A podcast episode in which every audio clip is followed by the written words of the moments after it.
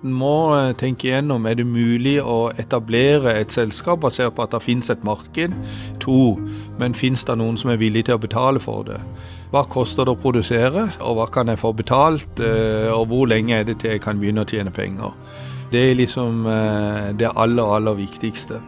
Og så er jeg villig til å bruke den tida, bruke de kreftene for å komme i mål. Det er gøy ei stund. Men så er det stort sett um, et spørsmål om utholdenhet. Hva må du egentlig gjøre for å være konkurransedyktig i en tid hvor verden stadig er endring? Du lytter til Næringspodden fra Sparebanken Sør. Her vil du oppleve næringslivet fra innsiden og møte inspirerende mennesker som er med på å utvikle landsdelen vår. Mark Zuckerberg, eh, eier av Facebook, eh, sa her i kongressen i USA at eh, om fem til ti år så vil kunstig intelligens mest sannsynlig være løsningen for hatprat på nett. Men ifølge et firma etablert i, og en teknologi og oppfinnelse i Grimstad, så viser det seg at fem til ti år er litt pessimistisk for den teknologien, mener de på å ha løst allerede i dag.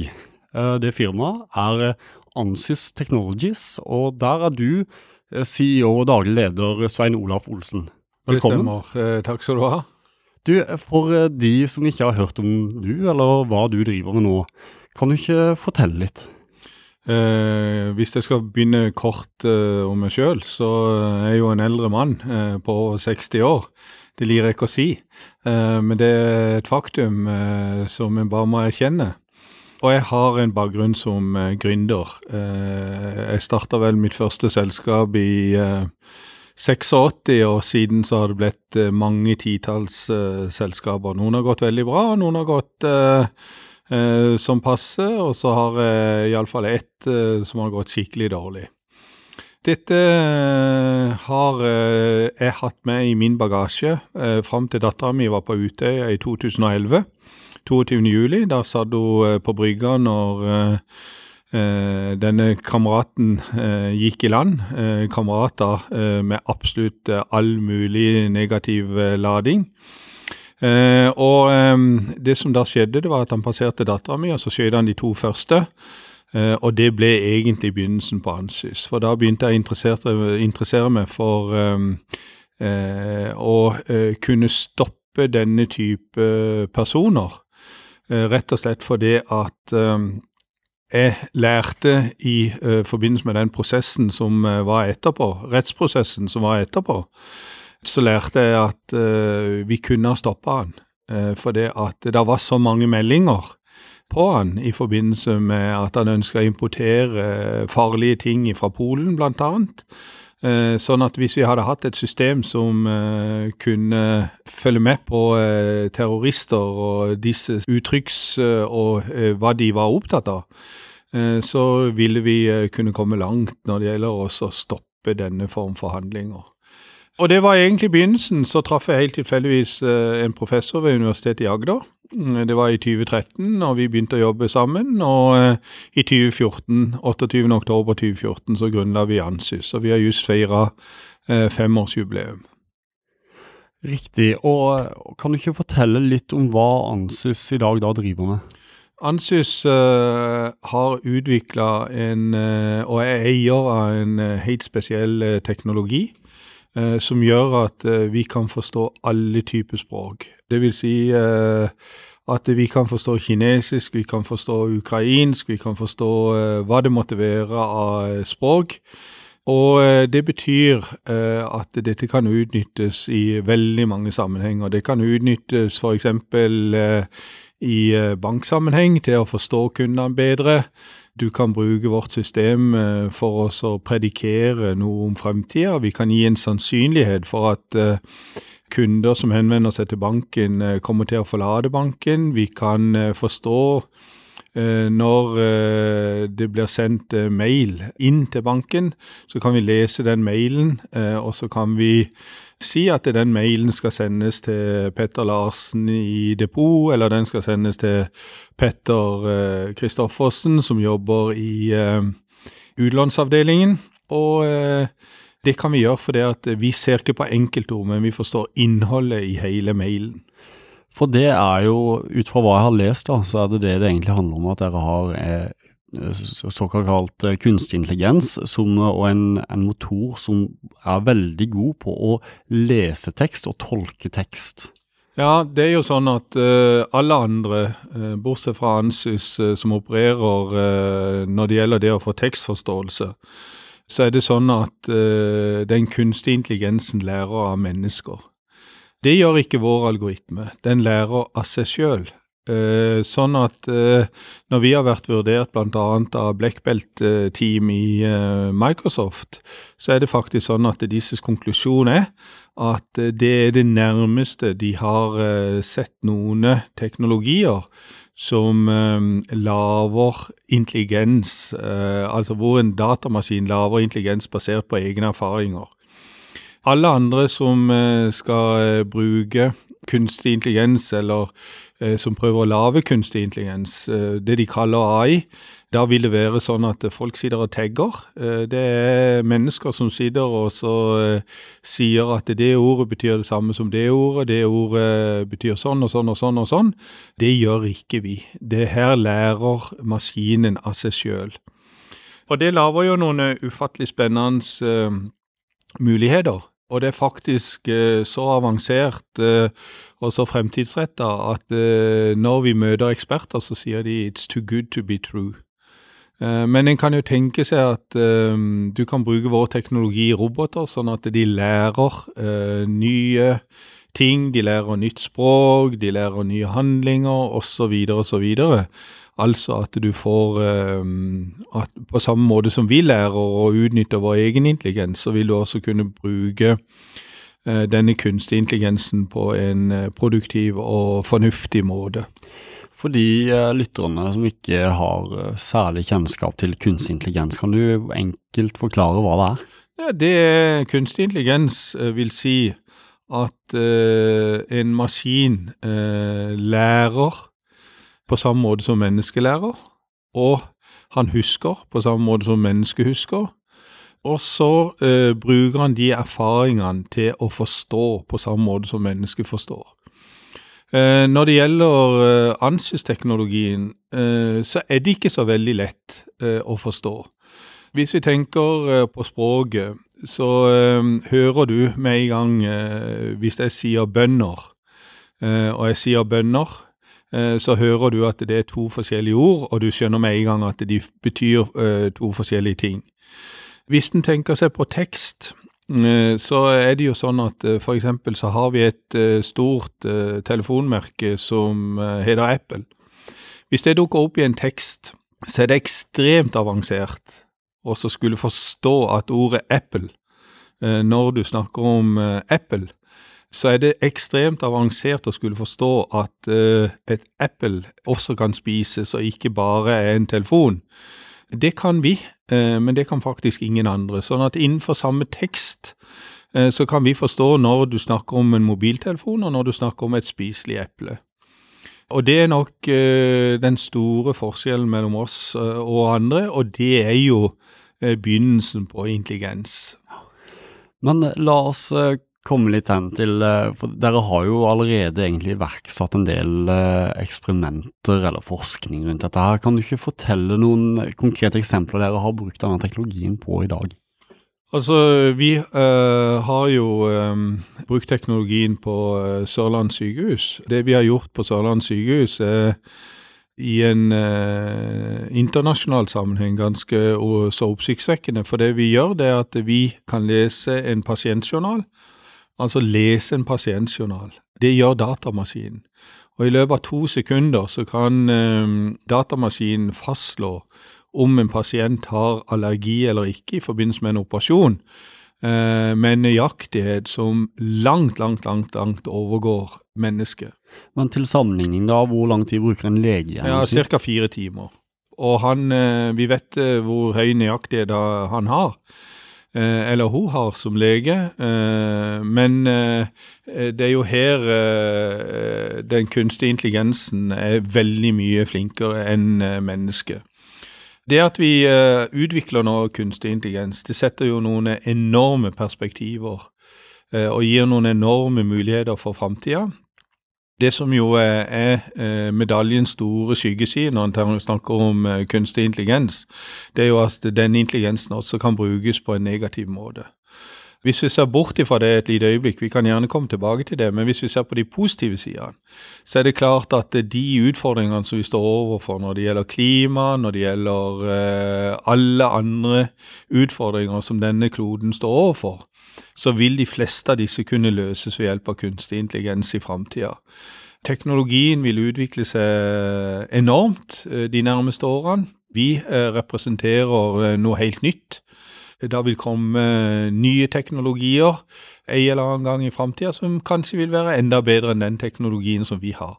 Det de tradisjonelle selskapene, sånn som Microsoft, IBM og Amazon, Apple eh, eh, måtte ha, eh, og også Facebook, har kunstig intelligens. Du refererte jo til Zuckerberg som sa at vi har en teknologi om fem til ti år.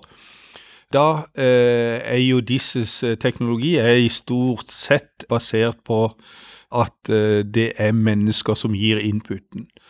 Det som er interessant, er jo at um, 99,9% av alt som har med nagenhet, har en ingen problemer med å uh, luke vekk når det gjelder Facebook.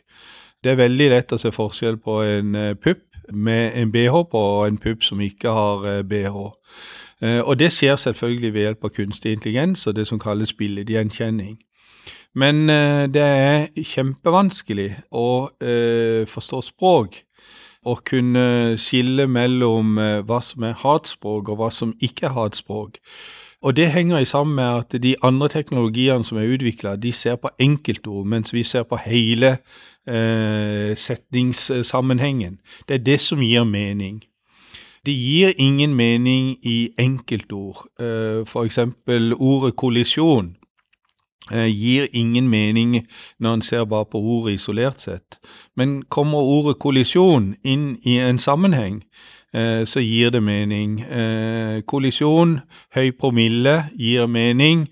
Kollisjon, høy promille, to drept, gir enda mer mening, og det er dette vi forstår. Vi forstår sammenhenger. Når de andre holder på å skulle forstå, og prøve å forstå ved hjelp av gamle metoder, Eh, så ser de altså da på enkeltord, og eh, enkeltord gir vanskelig noen mening. Men du har òg et annet eksempel. Jeg har lest bl.a. at dere har et samarbeid med Sri Lanka om hatytringer. Ja, vi, og det henger i sammen med at 21. april så hadde jo dette bomba, seks bomber som sprang på Sri Lanka. Sri Lanka har siden 2010, hvor det ble fred på Sri Lanka, så har de vært uh, et uh, utrolig spennende samfunn å være i. og Jeg kom ned der første gang i 2010. og Det som er spennende på Sri Lanka, det er at der lever muslimer, buddhister, kristne, hinduer. De lever side om side. Og det som er spennende da med Sri Lanka, det er at de har levd etter 2010, så har de levd i fred med hverandre. Men det har alltid vært eh, en utfordring for dem å opprettholde freden. Og da har de vært eh, veldig fokusert på å ta i bruk eh, teknologier. De lærer barn opp. Eh, mange hundre tusen barn får opplæring i skolen som går på at vi må forstå hverandre, vi må akseptere hverandre. Og når vi ved hjelp av moderne teknologi, vår teknologi, Eh, så vil du også kunne hjelpe når singalesere eh, eller eh, tamilere, det er to forskjellige språk, når de gir uttrykk for ting som ikke er bra, altså uakseptabel meningsytringer, så vil vi kunne fange det, og så vil det kunne gå en beskjed til Facebook om at dette bør slettes. Og det er det vi har gjort der nede, i sammen med srilankiske partnere. Kommer dere noen gang inn på liksom, at dere egentlig tar for dere redaktørrollen? Eh, Nei, ja, det, det, vi eier aldri noe av det vi holder på med. Ordet vil vi aldri eie. Hva som står skrevet vil vi aldri, aldri, eie. Det er alltid noen andre som eier det. Det er sånn at ord vil eies av en person eller en bedrift. Uh, vi leverer teknologien. På samme måte som, som ingen eier tanken. Det at tanken er jo på mange måter, hvis du ser på hjernen, eh, så er det jo ufattelig spennende å tenke at det er nevroner og den dritten som møtes, og så skaper det reaksjoner. Så kan du hente fram minner som ligger 40 år tilbake i tid. Det er jo utrolig spennende å tenke på. Det er en teknologi som ligger i vårt hode. Og det er det samme vi leverer. Vi leverer en teknologi som ligger i en datamaskin, og som gjør at vi kan begynne å tenke hurtigere. Du er aldri eh, misfornøyd, uh, du er aldri uopplagt, du har aldri sovet dårlig. Uh, du har aldri omgangssyke, du har aldri en virusinfeksjon, du har ikke trent, du har ikke noen ting som forstyrrer deg. Du er 100% konsentrert om det du er satt til å løse, og dette kommer verden til å trenge i framtida hvis vi skal løse alle de problemer som vi står overfor. Mennesket er jo i utgangspunktet å oppføre seg som en tulling. Det eh, tullinger trenger, det er eh, kraftfulle eh, teknologier som kan eh, fortelle hva som er fornuftig å gjøre, og hva som ikke er fornuftig å gjøre. Hvor lang tid tror du det tar før uh, kunstig intelligens uh, kommer til å overta mye av makten fra organisk intelligens eller menneske? Nei, altså det er veldig vanskelig. Eh, nå har jeg jo levd i dette i fem år, og det er veldig vanskelig å tenke seg hvordan framtida kommer egentlig til å bli.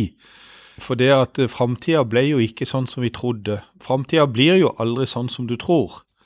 Eh, Framtida blir alltid litt annerledes fordi at vi lever våre liv.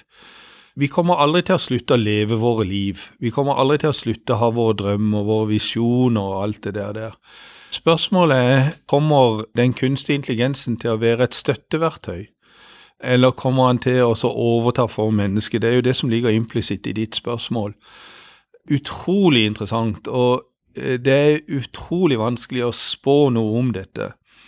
Det som er helt sikkert, det er at uh, dette må uh, noen ta styringa på. Uh, sånn som det er i dag, så tror jeg det utvikler seg i feil, feil retning, fordi det kan også brukes negativt. Jeg tror jo at vi blir nødt til å begynne å lage noen retningslinjer for hvordan teknologien skal anvendes når det gjelder eh, hvor mye av vår hverdag som skal bli styrt av den kunstige intelligensen.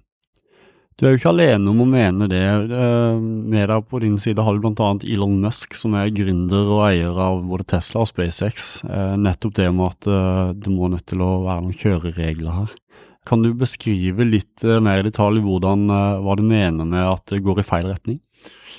Ja, Du kan si kunstig intelligens kan jo utnyttes til å kontrollere på en negativ måte. Og øh, spørsmålet er hvor stor risiko øh, skal vi leve med? Det å leve er jo øh, sånn sett ingen risikosport, for vi vet hvordan det ender, og det ender med at vi kommer til å dø. men det er det veldig få som tar inn over seg, sånn at veldig mange lever dårlige liv uh, mens de lever, og gjør egentlig ikke sitt beste. Du kan gjøre masse feil underveis. Uh, det er en del av det å leve. Uh, men vi må ta inn over oss at dette med å skulle ta i bruk kunstig intelligens og det å skulle kontrollere det, det blir vanskelig. å kjøre reglene, å sette opp kjørereglene for hvordan dette skal fungere, Eh, blir ekstremt eh, komplisert og komplekst. Og det gjør det ikke veldig mye lettere når det blir akseptabelt eh, at store nasjoner har statsledere som stort sett lyver i snitt seks-syv ganger om dagen. For det som er beautyen i den kunstige intelligensen, det er jo at den vet svaret. Men shit out eh, vil du alltid få hvis det er skitt inn. Eh, sånn at eh, det som blir utfordringa i framtida når du skal bruke kunstig intelligens, det er jo at kildene dine, at det du legger inn mens du lærer, og mens den kunstige intelligensen skal lære, så må det som han skal lære, det må jo være korrekt. Og det er noe Det er ikke den kunstige intelligensen i seg sjøl som er det største problemet, for sånn som jeg ser det akkurat nå. Men det er faktisk at eh, vi er i ferd med å akseptere at uh, det er lov til å lyve. Og det betyr at eh, hvis det er lov til å lyve, og du manipulerer, og at det er akseptabelt, så er vi på ekstremt farlige veier. Og da snakker vi ikke om, eh, om eh, ei løgn, eh, men da snakker vi om å sette løgn i system. Uh, det har vært helt uakseptabelt i alle tidligere sammenhenger, men er blitt mer og mer akseptabelt. Den første gangen som dette ble tatt virkelig i bruk, det var jo under andre verdenskrig. Hvor Goebbels sa bare gjenta ei løgn mange, mange nok ganger, så tror folk på det. Og det mest interessante er jo at invasjonen i Irak var jo basert på en løgn. Alt det som en uh, sa, uh, og da ble holdt opp et dokument i uh, Kongressen og i store demokratiske organisasjoner, hvor en sa at sånn og sånn ser det ut, og så gikk en inn og lagde en krig, og resultatet var at det fantes ikke. Det, det var der ikke. Det var ingen kjemiske våpen. Det var ikke disse atomfasilitetene eh, som en eh, i utgangspunktet sa at det fantes. Sånn at vi har jo en historikk hvor løgn har vært en del av inputen, men mennesker kunne sortere det. Det som er farlig nå, det er at en maskin vil aldri sortere ut hva er løgn og hva er ikke løgn. Den vil tro at alt er sant. Eh, så det har vi ikke klart ennå. Men i framtida så vil det kanskje være teknologier som også vil kunne eh, avstemme det. Så bra. Du, utrolig interessante temaer. Eh, jeg vil gjerne litt tilbake til Ansis og selskapet deres, Svein Olav. Og, og det, jeg har lest, og vi snakka om det tidligere, du har x antall firmaer av de største i verden, Facebook, Google, Amazon, som med dype lommebøker som bruker enorme ressurser på å utvikle kunstig intelligens. Allikevel så har du egentlig et selskap og en professor her som har greid å finne ut noe i Grimstad som tydeligvis ikke så veldig mange andre har greid. Kan du fortelle litt om det? Altså, Det er jo heldigvis sånn at uh, intelligente mennesker de dukker opp uh, hvor det måtte være. Denne eh, medgründeren min, altså professor Ole Kristoffer Granmo, han er ualminnelig eh, flink eh, på akkurat dette som går på å lage algoritmer. En algoritme er egentlig bare et sabla langt regnestykke. Og dette er han god på. Det er jo sånn all innovasjon er. Innovasjon skjer ikke i de store selskapene. Innovasjon skjer i de små selskapene. Det er der innovasjonen finner sted. Uh, Microsoft vil aldri være innovative. Det tar lang tid før et, uh, et uh, selskap som Microsoft vil kunne snu seg rundt. Da er det 40 stykker som skal inn og bestemme. Eh, og de vil eh, bestemme ut ifra egne interesser. Hva tjener meg? Blir min posisjon trua nå? Eh, det er bare å tenke på sin egen arbeidsplass. Enhver er seg sjøl nærmest. Sånn at innovasjon vil skje i de små, små, små selskapene. Og det vil være hos personer som har en spesiell form for forståelse av, av eller annet, en eller annen utfordring som vi står overfor. Skoleskipet Sørlandet ble bygd i 1921, så vidt jeg husker. Eh, den ble bygd med seil. Katastrofe. Vi vet hvorfor uh, sørlandske skipsredere på begynnelsen av dette, for, av dette forrige århundre, 1900-tallet, gikk til grunne, var fordi at de satsa på seil. Henry Ford han var den første som fant ut hvordan du skulle drive med masseproduksjon av biler. Uh, han var kjempesmart. Madame Curie uh, var den som fant opp røntgen. Hun var kjempesmart. Hun var kjempesmart innenfor sitt lille felt. Det er det samme som har skjedd her. Og det, Ingen av de eh, starta med store, store store bedrifter. Det var ikke de store bedriftene som drev innovasjon, det var de små, små, små. Det begynte i det små, og så ble det større etter hvert. Når uh, I 2014, eller før den tid, så, så var det jo sånn at uh, han var veldig flink på nettopp regnestykker og lage algoritmer, men han trengte en markedspartner. Det er da deg. Det som er litt gøy med en innovasjonsbedrift sånn som dere er, er jo nettopp at du må egentlig gå opp en sti som ikke har vært gått før. Både på teknologifeltet for deres del, men òg egentlig forretningsmodellen. Hvordan greier du å, å, lage en forretningsmodell rundt en såpass fersk og ny og revolusjonerende teknologi? Eh, det greier du ved at eh, det finnes eh, I Norge så er det gode systemer. Vi har hatt et ufattelig bra samarbeid med Innoventus Sør. Innovasjon Norge som er basert i Grimstad, eh, har vi hatt et ufattelig godt samarbeid med. Vi har hatt et godt samarbeid med Norwegian Research, altså Norges forskningsråd. Vi har hatt et godt samarbeid med Sintef. Vi har hatt et godt samarbeid med veldig mange eh, forskningsbedrifter. Også innovasjonslaben ved Sørlandet sykehus har vært viktig for oss. Det er sånn du greier å komme i gang, eh, ved at disse miljøene finnes, og så finnes det litt kapital der. Men samtidig så må du også, eh, når du eh, eh, når du er entreprenør, så er det en fordel hvis du har gjort det før. Det er det ingen som helst tvil om. Dette har jeg jo gjort mange ganger, men jeg har aldri hatt sånn en mulighet som jeg har hatt nå.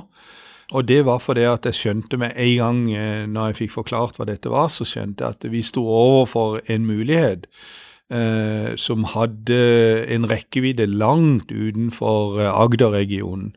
Eh, eh, men som kunne bli et eh, globalt eh, verktøy. Det tar tid å bygge det opp. Det er mange, mange, mange, mange utfordringer. Og de har vi eh, i sammen, eh, med professoren, har greid, eh, også med et godt styre, så har vi greid å styre oss igjennom de utfordringene som har vært. Men dette har jo ikke vært noen ni til fire-jobb, eller at du har fri på lørdag og søndag. Dette er, dette, er, en livsstil, og enten er du entreprenør, eller så er du det ikke. Uh, og det er iallfall helt sikkert, det er at jeg er en entreprenør. Uh, kan du fortelle litt, uh, la, la, oss si at jeg har en idé. Jeg har et verktøy eller har en tjeneste som jeg har lyst til å lansere. Har ikke sett noe lignende på markedet før og tenker her er en mulighet. Litt sånn som dere har opplevd her. Har du noen tips til meg? Ja, altså, For det første så, ehm, så er det jo sånn at uh, ikke alle ideer er like gode, selv om uh, ikke de har vært gjort før. Jeg husker uh, for mange herrens år siden, når halvannenliteren kom med, med brus, så irriterte det meg at, at de ble daue. Vil si at hele fusen gikk ut av brusen hvis du bare drakk halvparten. Eh, så da fant jeg ut en eh, teknologi som eh, skulle beholde fusen i brusen. Og så tenkte jeg dette var supersmart, og gikk og presenterte det til et bryggeri som produserte denne brusen. Men de var jo selvfølgelig ikke interessert i at, at fusen skulle bli opprettholdt på brusen når du bare hadde drukket halvparten eller mindre og han hadde stått i kjøleskapet i tre dager, da syntes jeg det var helt ok at han smakte dårlig. For da måtte du kjøpe ei full flaske, og du måtte kjøpe, en, måtte kjøpe ei ny ei. Sånn at eh, det å finne ut om en idé er god, det er jo å tenke grundig gjennom om, eh, om det er et marked. Eh, er det et marked for dette som eh, jeg har eh, tenkt å produsere? Og ikke minst er det noen som er, er villige til å betale for det. Det som jo er en utfordring i dag, det er jo at veldig mange ting går ut på å dele. Og de store selskapene de deler helt vilt. Det er ufattelig hva som blir delt og er nesten gratis. Og det er jo fordi at markedssituasjonen endrer seg radikalt, og der kommer nye utfordringer som en står overfor. Sånn at en må eh, tenke igjennom er det mulig å etablere et selskap basert på at det finnes et marked. Ja, det finnes et marked. To, men finnes det noen som er villig til å betale for det? Hva koster det å produsere, eh, og hva kan jeg få betalt, eh, og hvor lenge er det til jeg kan begynne å tjene penger? Det er liksom det aller, aller viktigste. Og så er det jo viktig å tenke gjennom er villig for det er det det er spørsmål om. Er villig til å bruke den tida, bruke de kreftene som skal til for å komme i mål. Det er, det, er viktige, det, det er, viktige, ting. Det er gøy en stund, Men så er det stort sett um, et spørsmål om utholdenhet. Riktig. Uh, hvis, du, hvis, du, nå kunne ha Du har hatt en lang, lang karriere. Hvis du kunne ha gått tilbake og endra én ting i karrieren din, hva hadde det vært? Nei, altså det som uh, I utgangspunktet så er jo jeg lærer, spesialpedagog. Og det ble jeg vel egentlig fordi at min far hadde sabla lyst til å bli lærer. Jeg angrer ikke på at jeg har undervist i syv år, og jeg hadde ei fantastisk tid sammen med, med noen autistiske barn som jeg underviste.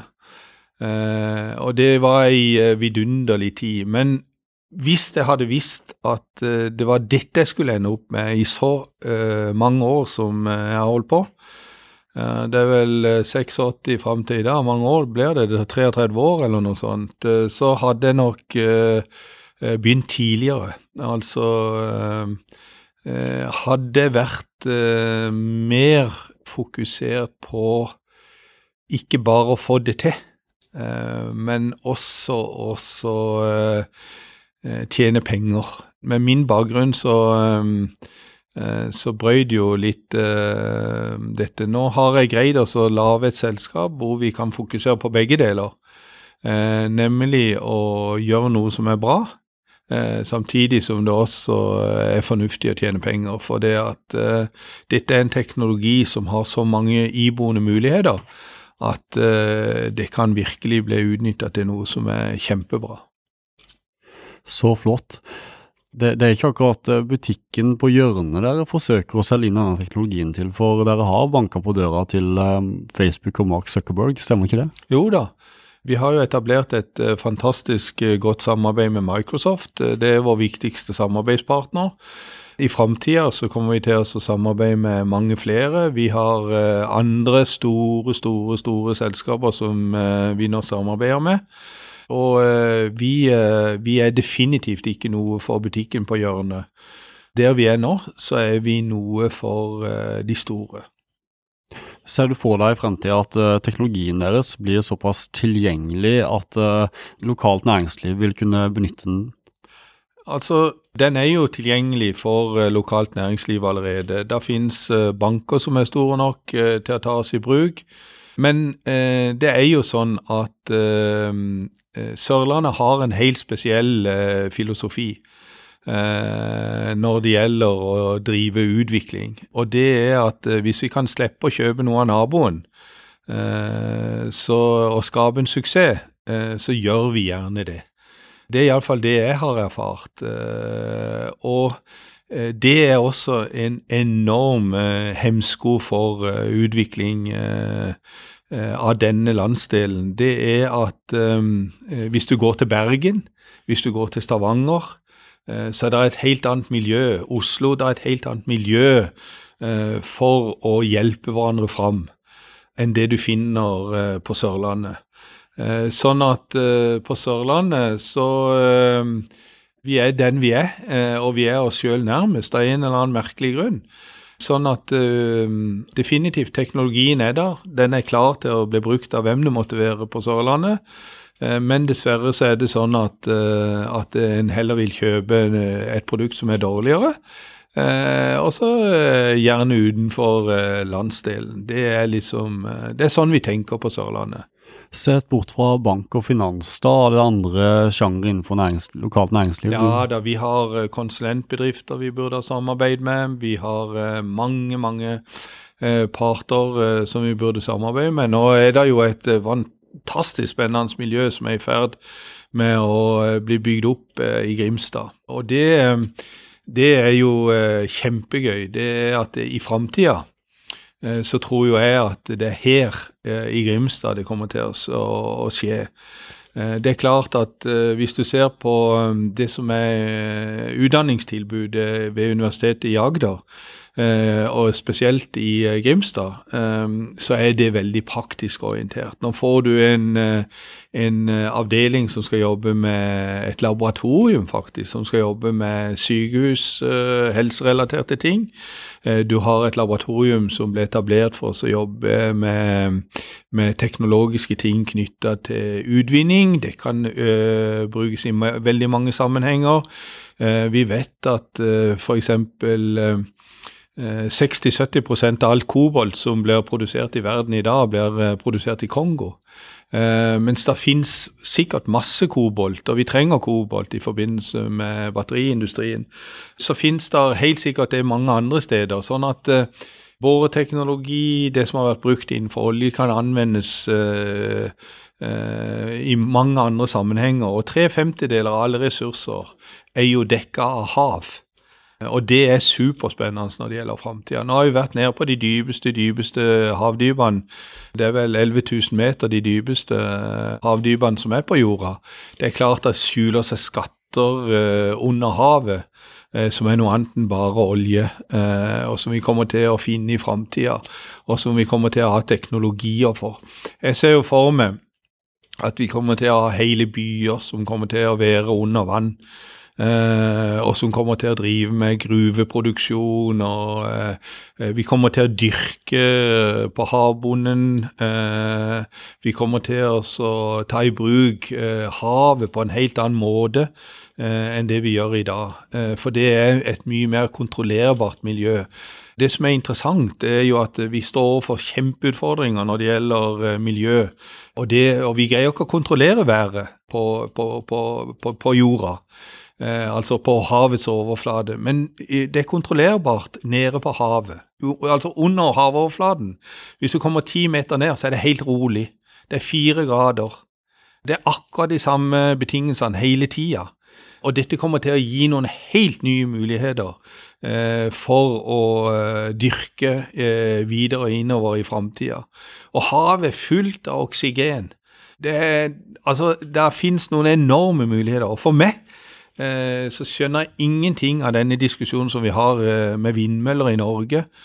Hele, hele kysten vår er full av en eneste stor strøm eh, som går eh, fra Botniska viken og ut i Skagerrak. Eh, og jeg kan ikke forstå hvorfor vi ikke plasserer vindmøller på havets bunn og begynner å produsere eh, ut ifra strømmen. Golfstrømmen er jo bare en eneste stor, evigvarende kilde av energi og så greier vi ikke å bruke det.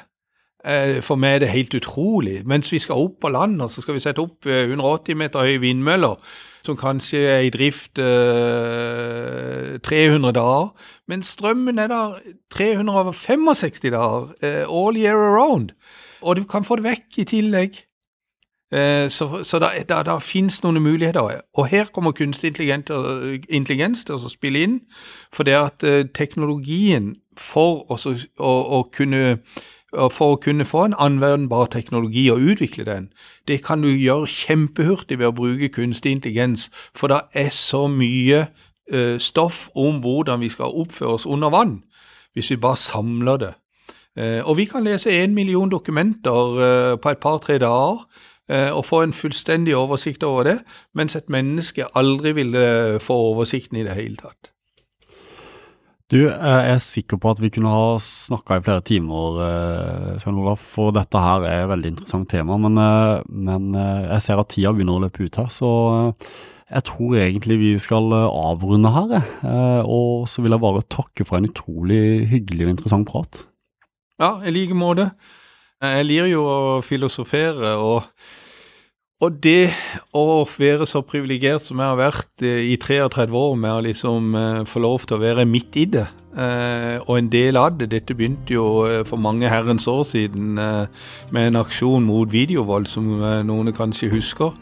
Men det å få lov til å være en del av det, og være en del av livet, det har vært et stort privilegium. Og det å få lov til å være noe av framtida, det er jo også kjempegøy. Veldig flott. Takk skal du ha. Du lyttet nettopp til næringspodden av Sparebanken Sør. For flere episoder, gå inn på sor.no slash podden. Her kan du gi ris eller ros, samt tips til andre næringsdrivende vi bør intervjue.